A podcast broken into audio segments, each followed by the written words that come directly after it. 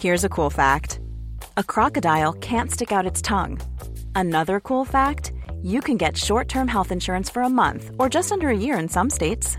United Healthcare short term insurance plans are designed for people who are between jobs, coming off their parents' plan, or turning a side hustle into a full time gig. Underwritten by Golden Rule Insurance Company, they offer flexible, budget friendly coverage with access to a nationwide network of doctors and hospitals. Get more cool facts about United Healthcare short term plans at uh1.com. Ready to pop the question? The jewelers at BlueNile.com have got sparkle down to a science with beautiful lab grown diamonds worthy of your most brilliant moments. Their lab grown diamonds are independently graded and guaranteed identical to natural diamonds, and they're ready to ship to your door. Go to BlueNile.com and use promo code LISTEN to get $50 off your purchase of $500 or more. That's code LISTEN at BlueNile.com for $50 off. BlueNile.com code LISTEN. Välkommen tillbaka till Storytime. Varmt välkomna ska ni vara tillbaka till Storytime-podden med mig Evelin Blomfelt. Idag så ska vi bege oss ut till havs, rakt in i en storm och det är väl alltid skittrevligt och exakt var man vill befinna sig. Eh, glöm inte bort att följa podden där du lyssnar på den. Det uppskattar jag jättemycket och då missar ni inga uppladdningar. För övrigt så laddar jag upp varje onsdag och söndag. Men nu så ska vi sätta igång. Pappa kolla! Jag såg upp från den slitna gamla kartan som jag hade undersökt de senaste 17 minuterna för att se vad Liam pekade på genom glasrutan medan jag kände mig orolig och upprörd över att jag fortfarande inte hade en aning om varför vi befann oss. Han stod i fören på vår mediumstorleks fiskebåt med sin rygg vänd mot mig medan han lutade farligt mycket över relingen. Han såg rakt framåt genom den tjocka havsdimman. Hans mörkbruna, lockiga hår glimmade i solljuset. Vad är det? frågade jag honom medan jag kisade med ögonen och klev ut på däcket. Var försiktig grabben så du inte trillar i och dör. Fiskarna kommer festa på dig ikväll. Han såg bak på mig med irritation i blicken. Han är en av de få människorna som faktiskt kan tolerera mitt sjuka sinne för humor. Faktumet var att han hade ärvt samma mörka humor och vetskapen om att hemska saker som hände faktiskt kunde vara roliga ibland. Du kommer dö först pappa, bara för du är så gammal. Jag trodde vi hade kommit överens om att din nya styvpappa skulle dö först. Han Furby, han är väl typ ungefär 300 år gammal eller någonting. Vad tänkte din mamma när hon träffade honom? Han skrattade. Du är så gammal pappa, så du har en signerad bibel hemma. Är det så? Furby är så gammal så han blev dumpad av en neandertalarbrud två gånger. Det är Fernby. Och nej, du är fortfarande mycket äldre och du kommer dö först. Och det kommer vara väldigt tragiskt. Ja, du kommer dö först. Fortsatte han medan han röck på axlarna. Nåväl, det ser ut som att vi båda kommer dö nu. Sa jag medan jag såg mig om och suckade. Jag skämtade, adderade jag när jag såg hans blick möta min medan jag skakade mitt huvud. Jag tror jag just såg en båt. Hans röst lät osäker medan han kollade in i dimman igen. Jag vinglade fram till honom. Vi var omringade av en extremt tjock dimma och det fanns ingenting annat inom synhåll. Klockan var bara tolv på dagen, men det såg ut som att natthimlen hade kommit tidigt bara för att distrahera oss ännu mer. Vi hade varit fast här ute, guppandes i vågorna i flera timmar för att våra motor för någon anledning hade stängt av sig och jag kunde inte för guds skull slå på den igen. Men det verkade inte som att någonting kunde få min son att deppa ihop. Han är bara 14 år, men hans tendens att alltid hålla sig positiv, till och med under jobbiga omständigheter, har aldrig slutat att förvåna mig. Jag vände mitt huvud och spottade när en sjöbris drog över, full med den bittra smaken av saltvatten. Vart? Var är den? frågade jag medan jag såg mig runt förvirrad och försökte få syn på en båt i närheten. Han reste sin hand och pekade ut mot en vag siluett som från en fiskebåt i distansen, kanske ett tiotal meter bort från vart vi var. Hallå? ropade han högt. Hallå, stämde jag in. Kan någon höra oss? Vi behöver hjälp. Vi är fast här. Hallå? Efter några minuter passerade så kom båten guppandes in i klar sikt för oss. Och det var då jag märkte hur märklig den såg ut. Den var täckt i alger över hela fören och på alla hytter som att den hade guppat ute på öppet hav i flera månader. Hallå? ropade jag ut en gång till medan den tog sig stegvis närmare våran båt tills det lätt dunkade till när den kolliderade med fören på våran båt. Jag skyndade in i våran cockpit och fattade tag i ett rep. Sen hoppade jag ombord på den andra båten och kastade den andra änden av linan till Liam. Knyt den tight på relingen, sa jag åt honom medan jag säkrade den andra änden på det övergivna fartyget. De kanske har en radio vi kan använda för att få tag på kustbevakningen och berätta vart vi befinner oss? frågade han. Han hoppade över på däcket bakom mig. Sen skrek han hjält medan hans ena fot sjönk igenom däckets brädor, vilket fick honom att tappa balansen och skjuta mot relingen. Jag grabbade snabbt tag i hans arm och gav han stöd. Var försiktig. Den här båten kan ha varit ute här i flera månader. Den håller på att ruttnar, varnade jag honom. Det kunde du kanske sagt innan jag hoppade dock. Han himlade med ögonen medan han försökte dra ut sin fot ur hålet och pep sen till. Ouch! Va? Mitt ben. Jag böjde mig framåt för att kolla närmare på hans sår. Det var små skrapsår och små träflisor hade fastnat över hela hans ben. Vi får gräva ut träflisorna om det finns några kvar i benet, suckade jag medan jag rätade på mig. Vänta här, de kanske har någonting vi kan använda för att rengöra ditt sår. De? Det finns inga människor på den här båten. Jag drog hårt i knuten jag hade gjort för att se till att den var säker. Sen begav jag mig sakta och försiktigt mot båtens cockpit. Dörren stod lite på glänt och det runda glasfönstret var täckt i ett tunt lager av torkat salt. Det såg mörkt ut när jag såg in i det. Konstigt, tänkte jag för mig själv.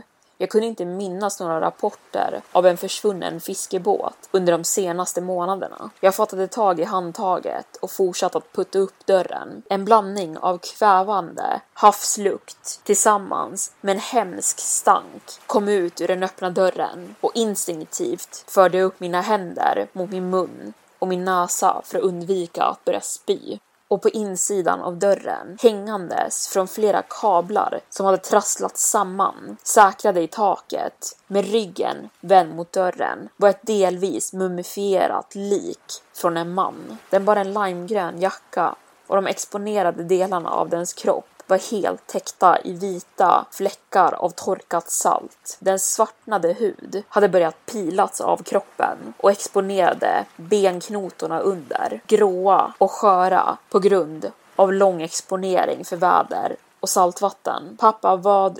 Liam, nej, kom inte. Men det var för sent. Han gick förbi mig in i hytten och fick syn på liket.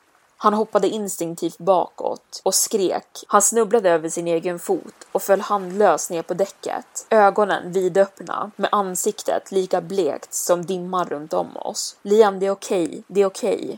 Jag försökte lugna ner honom och drog honom in till mig i en kram och försökte få bort honom från den hemska synen. Är det där en en man? frågade han med en skakande röst. Det är okej, kolla inte på den, sa jag åt honom medan jag försökte hålla honom borta när han igen försökte se in på den livlösa kroppen i cockpiten. Det här skulle förmodligen traumatisera honom för resten av livet. Han hade aldrig sett en död kropp förr och speciellt inte i ett sånt här hemskt tillstånd. Pappa kanske, vi kanske bara borde lämna den här båten i fred, sa han medan han fortfarande skakade. Hans hud kändes iskall och jag drog honom bort mot våran egen båt. Ingenting att vara rädd för son. Det är bara en död kropp. Den kan inte göra någonting mot dig.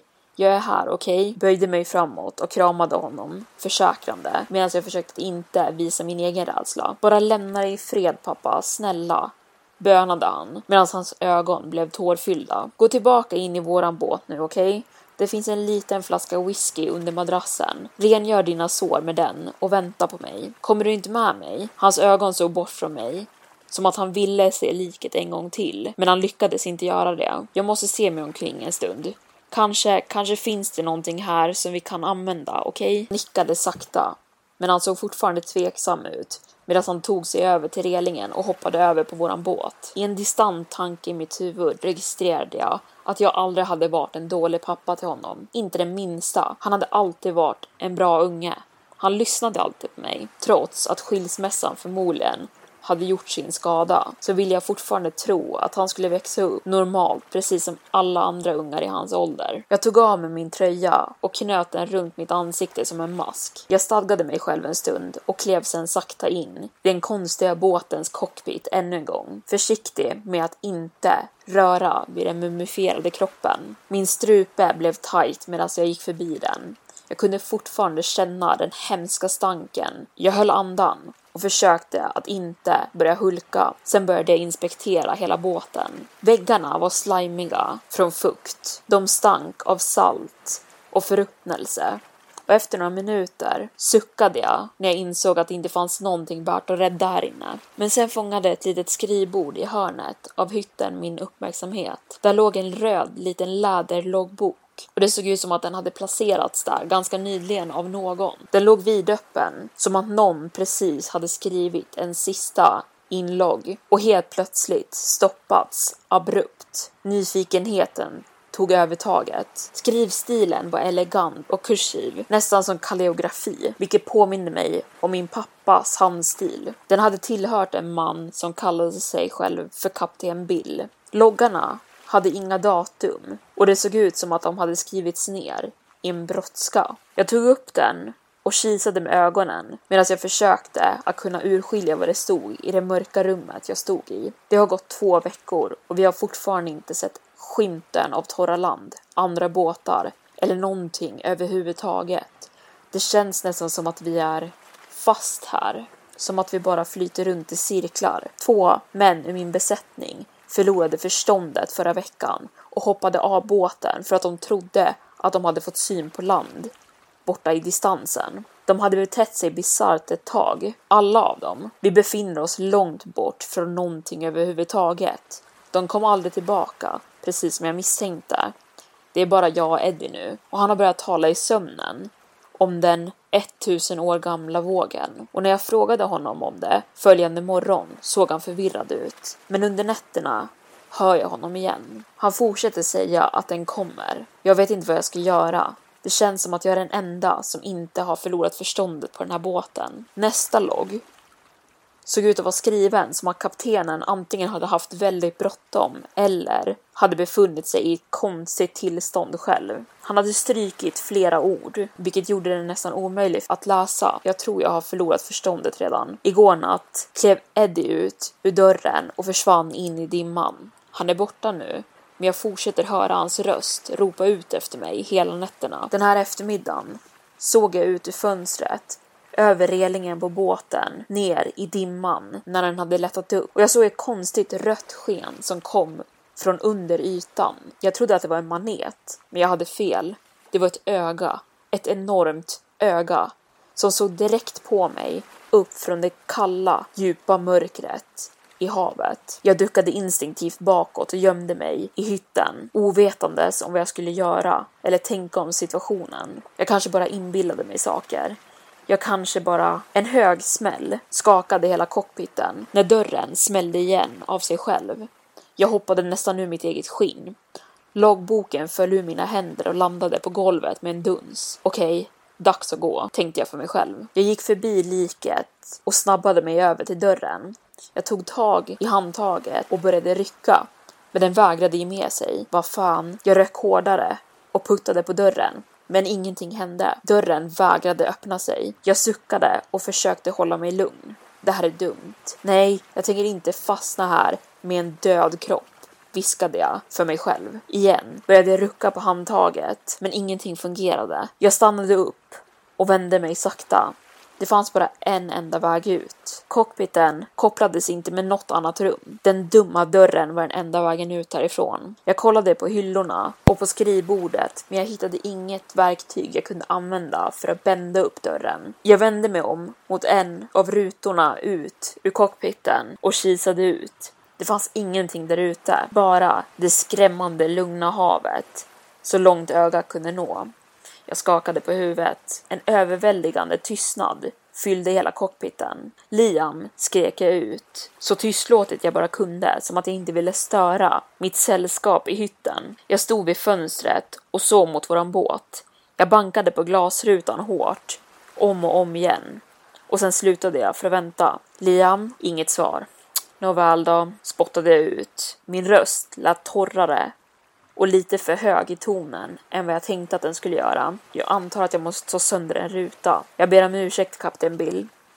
Jag höll andan, tog loss tröjan från mitt ansikte och virade den runt min knytnäve istället. Helt plötsligt kändes cockpiten mycket mindre och mycket mer kompakt än vad den faktiskt var. Som att väggarna tog sig närmare mig. Jag kunde också känna den döda kroppen som vaggade fram och tillbaka bakom mig. Närvaron av kroppen var så tydlig så jag kunde känna den bakom mig. Utan att tänka en andra gång förde jag bort mitt huvud så långt jag kunde från fönstret. Sen slog jag min knytnäve så hårt jag bara kunde i glasrutan. Den krossades till en miljon bitar med en hög krasch och efter att jag försiktigt plockat bort de resterande skärvorna som överlevt hävde jag mig själv ut ur fönstret och ut på däcket. Jag knöt loss repet som kopplade båtarna snabbt som sjutton och hoppade tillbaka på vår egen båt. Och sen med all min kraft puttade jag bort den konstiga båten så långt jag kunde. Jag väntade tills den hade försvunnit helt bakom den gråa dimman. Jag bestämde mig för att min son hade haft rätt. Vi borde bara lämna den här mysteriska båten i fred. För någon anledning började jag känna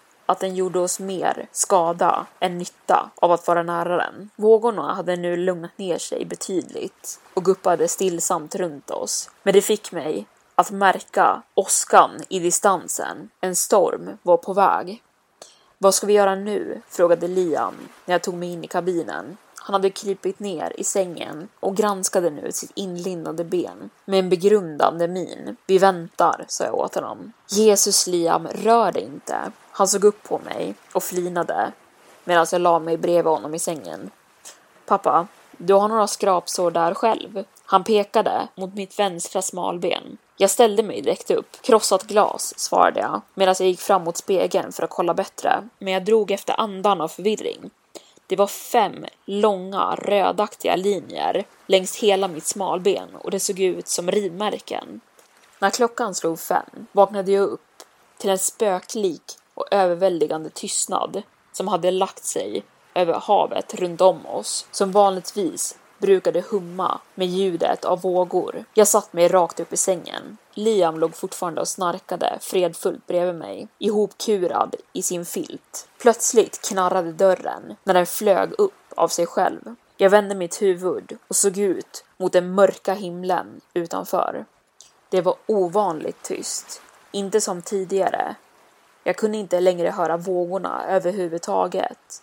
Jag hoppade ut ur sängen och vinglade fram till den öppna dörren och ut på däcket. Ytan på havet var helt platt.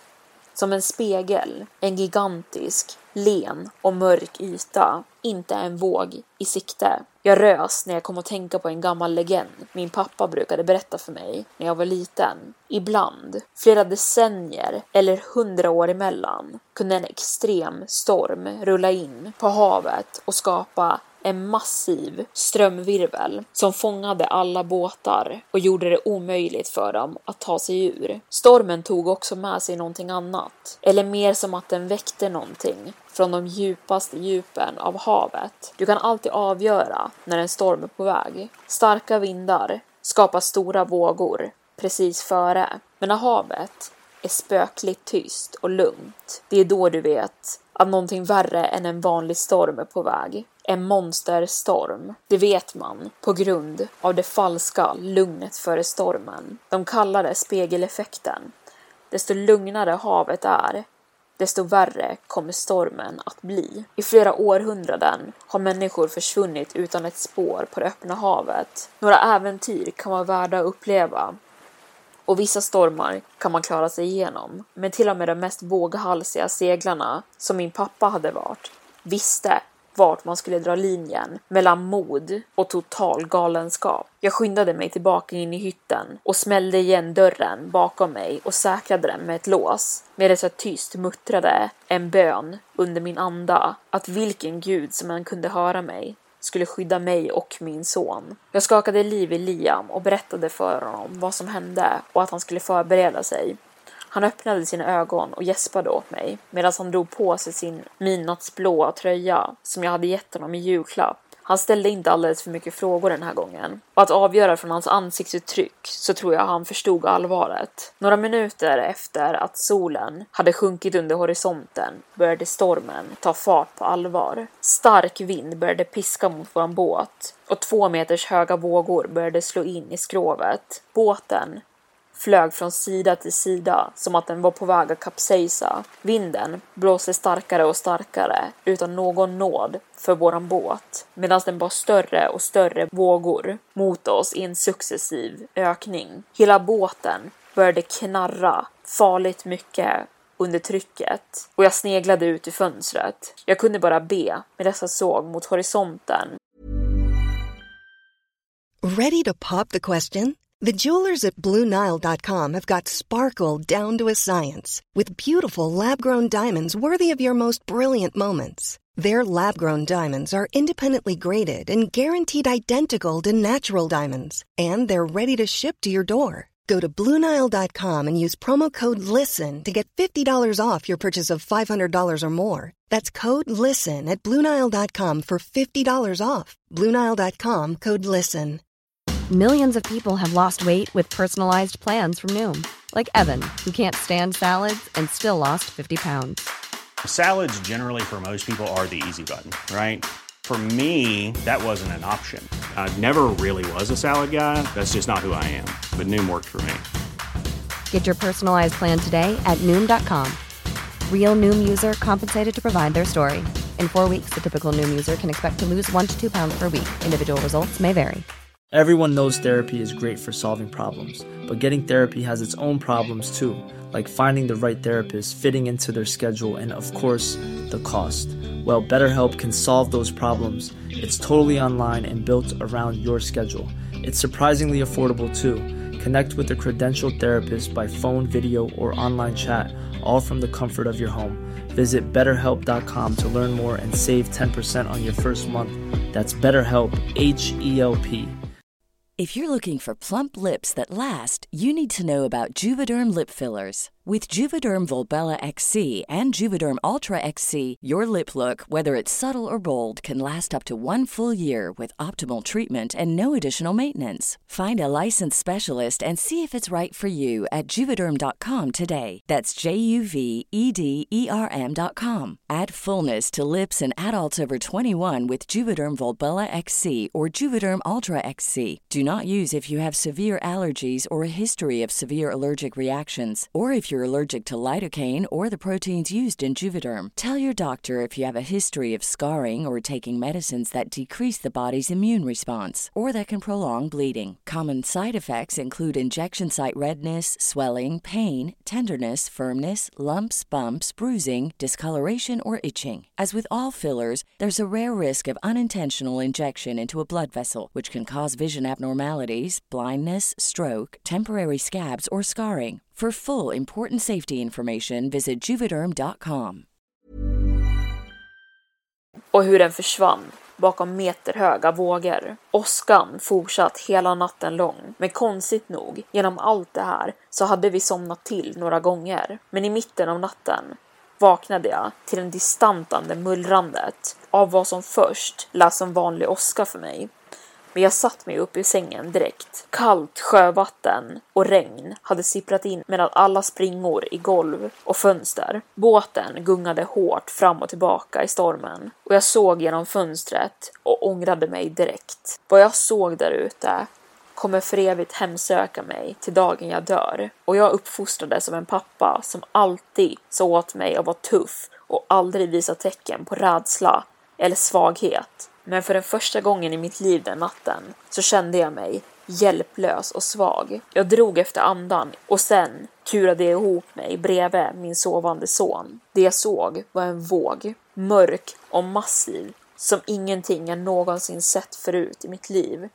En mörk siluett som rullade i distansen medan åskan lyste upp den i millisekunder. Den sträckte sig upp mot himlen som ett gigantiskt berg som hade växt fram ur havet över natten. Den svalde upp alla mindre vågor som kom i dens väg medan den växte sig större och större den 1000 år gamla vågen. Jag kurade ihop mig till en liten boll bredvid min son medan jag skakade i hela kroppen. Är vi lyckliga som inte hamnade precis framför den? Kommer den komma tillbaka och förstöra oss och plocka bort oss från jordens yta på några sekunder? Så många frågor flög genom mitt huvud. Jag undrade vad det faktiska monstret från legenden som min pappa hade berättat om. Skräcken som hade hemsökt varje fiskare i vår lilla by när de var på torra land och vågade tala om den. Jag kramade om min son hårt och reflekterade över att det här kunde vara den sista stunden vi delade i livet.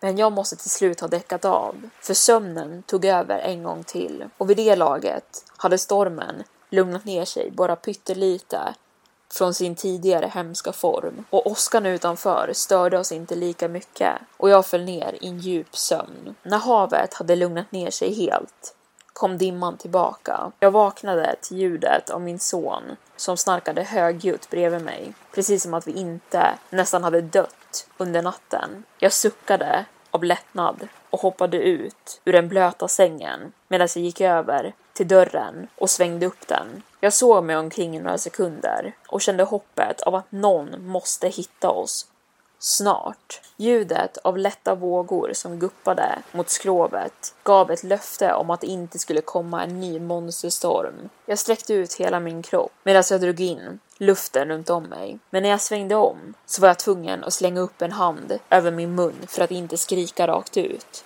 Där var den. Jag såg med skräck medan den mystiska båten från gårdagen flöt närmare och närmare oss ännu en gång. På något sätt hade den hittat sin väg tillbaka till oss och någonting stämde inte med det här. Jag försökte skylla det på att det kunde vara en slump, att stormen kanske bara hade råkat bära den tillbaka över hela havet, precis dit vi var.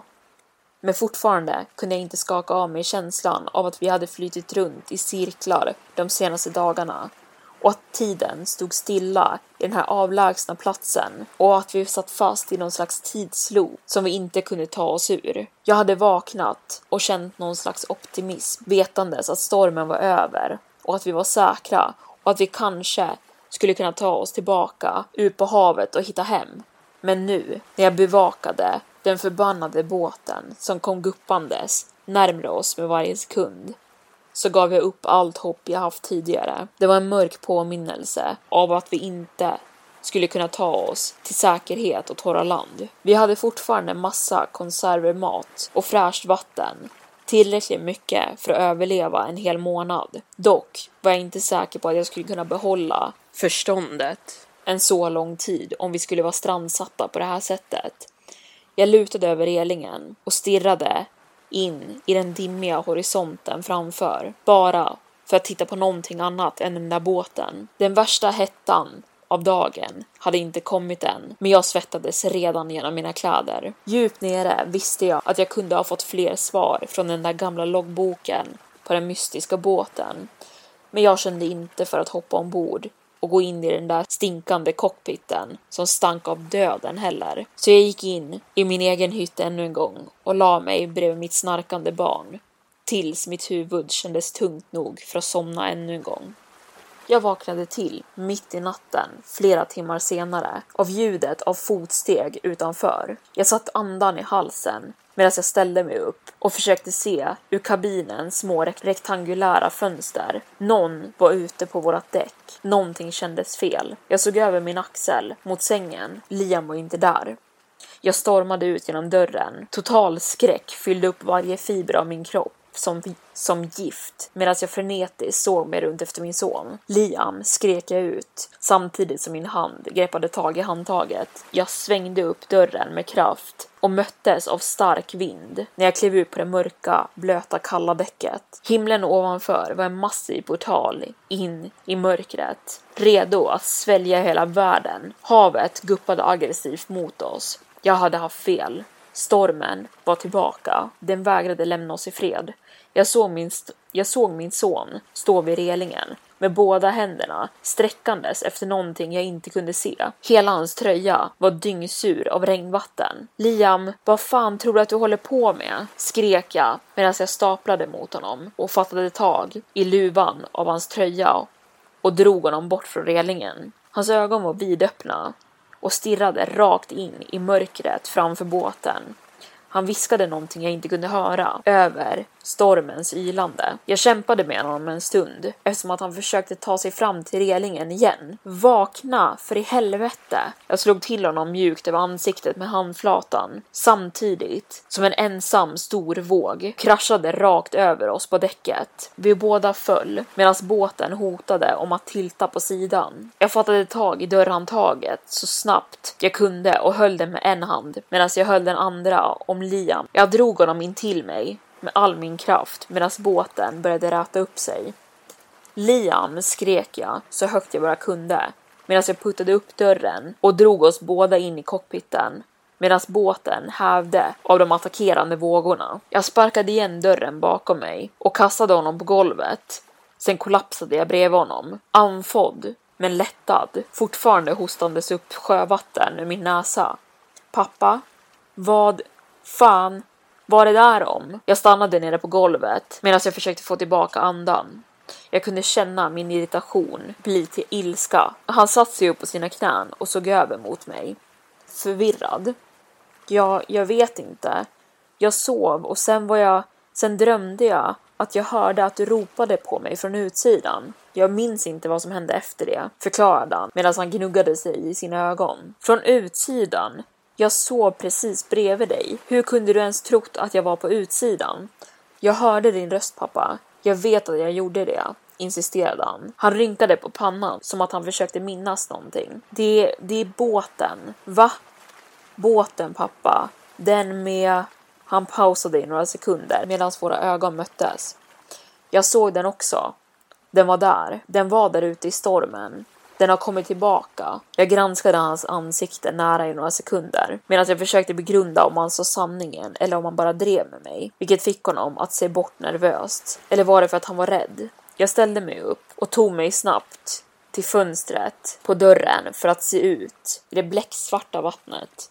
Först kunde jag inte få syn på någon form ute i mörkret i den mullrande stormen, bortsett från vågorna som lystes upp av blixtar då och då. Men sen bröt en blixt ner och lyste upp den hemska synen. Blixten lyste bara upp i några sekunder, men det var länge nog för mig att se den mörka siluetten av en annan båt som gungade fram och tillbaka i de meterhöga vågorna av vatten. Liam, min röst skakade av rädsla och sen kom en annan blixt. Jag såg någonting kravla på alla fyra över däcket på båten. Den kravlade in i cockpiten så fort så jag hann inte se den tydligt. Pappa, vad är det?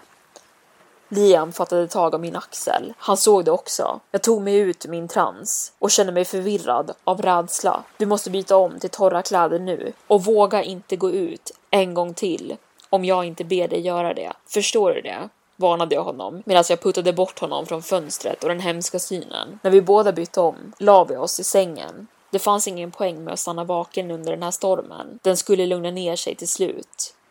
Det måste den göra. Jag var på väg att somna igen när jag ännu en gång rycktes tillbaka till medvetandet av en duns som ekade genom kabinen. Av reflex rullade jag över på min sida och släppte ut en suck av lättnad när jag såg att Liam fortfarande sov bredvid mig. Men alla hår på min kropp stod rakt upp när jag sakta tog mig upp i cockpiten och höll andan när golvbrädorna knarrade under min vikt. Konstigt nog hade stormen redan lugnat ner sig. En dyster måne lyste försiktigt upp himlen utanför och bortsett från de kommande panikkänslorna så ville jag gå ut och se efter vad som hade gjort det dunsande ljudet ute på däcket. Det var bortom mig att stå emot behovet att se efter.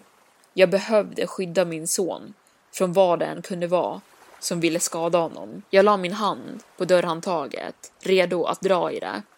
Men någonting fick mig att tveka. Desto mer jag övervägde det, desto värre kändes idén. Sen föll jag nästan till mina knän när en hög blöt duns bröt tystnaden utanför, som någonting tungt som föll i vattnet. Gick snabbt över till fönstret och kisade mina ögon för att kunna se vad som pågick där ute, men det var fortfarande för mörkt för mig att kunna avgöra någon distinkt skepnad under det svaga månljuset. Jag ansträngde mina öron och lyssnade noga när helt plötsligt en dunk ekade från någonstans under båten. Sen kom en till, lite högre, följd av som ett skrapande ljud längs sidan av båten. Mitt hjärta föll till min mage när jag insåg att det kom från underbåten, under ytan. Det var smärtsamt tydligt för det här laget att vi inte var ensamma. Och en skräckfylld tanke av förruttnade, svartnade händer som klöste under botten av båten med omöjligt långa fingernaglar fyllde mitt huvud. Det var stormen.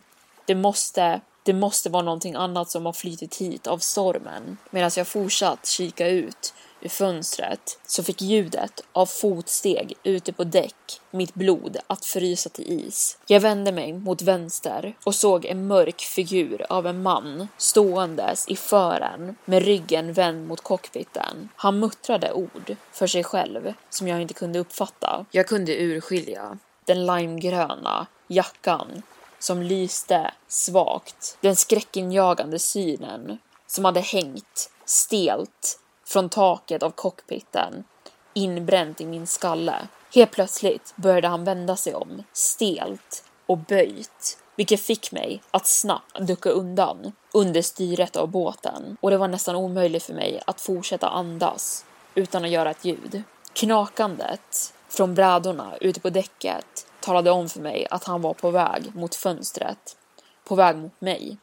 Jag kravlade snabbt över till dörren för att blockera den med min ryggtavla och drog upp knäna mot min bröstkorg. Hytten blev mörkare när han blockerade månljuset som sipprade in och han kastade ifrån sig en lång, stor skugga över hela golvet. Jag höll andan och försökte att inte röra på mig. Rädsla rörde sig som ett kallt finger längs min rygg. Skuggan verkade så still ett tag. Jag vet inte hur länge han bara stod där, helt orörlig.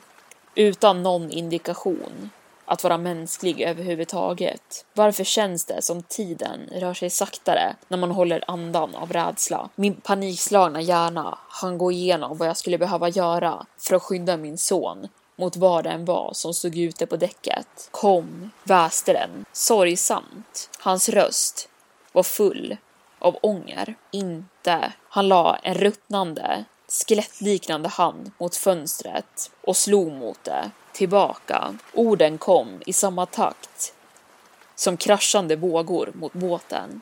Kalla och bittra och det fick mig att rysa och sen var han borta. Jag tog ett djupt andetag så fort jag var säker på att vi var i säkerhet. Dimman hade redan lättat och himlen började klarna upp. Månen steg högre upp på himlen och glittrade nu över det mörka havet. Och inte ett tecken på den döda mannen och hans fördömda fartyg. Och ändå kunde jag inte kliva upp på mina fötter. Jag satt sådär, som jag hade gjort, tills jag somnade av kyla och trötthet. Vi hittades av några fiskemän på deras väg tillbaka mot hamnen den följande dagen. De hade försökt ta sig runt en storm i flera veckor och fått syn på våran båt. När jag frågade dem om de hade stött in i någon övergiven båt med ett lik ombord så sa de åt mig att de inte hade en aning om vad jag talade om. Så jag antar att kapten Bills öde, vem han än var, skulle vara ett mysterium förlorat på havet för alltid och i sin högsta fart så skulle deras fiskarfartyg ta oss till land på fem dagar och 18 timmar. Men jag kunde inte klaga. Vi hade blivit räddade. De var snälla nog att låta oss vila så mycket vi ville. En av eftermiddagarna vaknade jag upp och fick syn på ett mörkt moln utanför i distansen vilket direkt fick mig att få panikkänslor, bönandes om att stormen inte skulle hinna ifatta oss ännu en gång.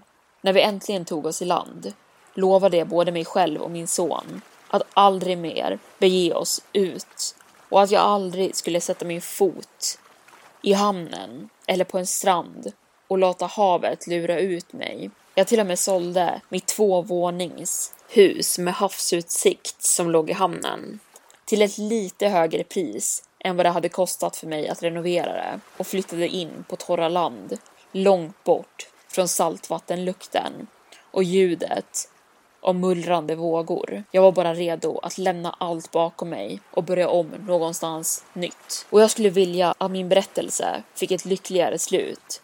Men tyvärr inte det fallet. Jag vet vad jag såg, trots att det har gått över tio år. När vi var strandsatta där ute, mitt i havet, så hade jag känslan av att tiden stod still runt om oss. Som att vi satt fast i en cirkel eller var fast i någon slags tidsloop. Så ni kan tänka er min förvåning när de berättade att vi hade varit ute på havet i över två veckor. Någonting stod inte rätt till. Ett stort search team hade skickats ut och kammat hela kusten runt om hamnen där vi sist hade setts lämna. De hade inte hittat ett spår av min båt, vilket var absurt. Det hade bara gått några timmar efter vi passerat mynningen av hamnen när min båt hade slutat fungera. Så hur kunde de inte ha hittat oss? Vi hade inte befunnit oss så långt ut. Och ingen stor storm hade rapporterats under våran fisketur vilket var helt ologiskt. En så stor storm som den vi hade överlevt kunde omöjligt gå obemärkt förbi utan att någon väderstation skulle ha märkt av den. I min ungdom hade jag sökt över lugnet och friden som fanns ute på havet. Jag hade tyckt att det var värt ensamheten och att befinna sig långt borta från världen med allt stök, att ändlös svepa över horisonten och havet så långt ögat kunde nå. Och nu ännu en gång har det kallat ut efter mig. Det har aldrig slutat att kalla efter mig sedan dagen vi blev räddade. Det hemsöker mig i mina drömmar när jag sover. Till och med när jag är vaken, mitt i en storstad. Om jag anstränger mina öron tillräckligt mycket så svär jag att jag kan höra vågorna. För att vara helt ärlig så finns det ingenting kvar för mig i staden jag bor i nu och jag har samlat modet i flera veckor, flera år till och med, för att vara ärlig. Jag ska bege mig ut till havs igen nästa vecka.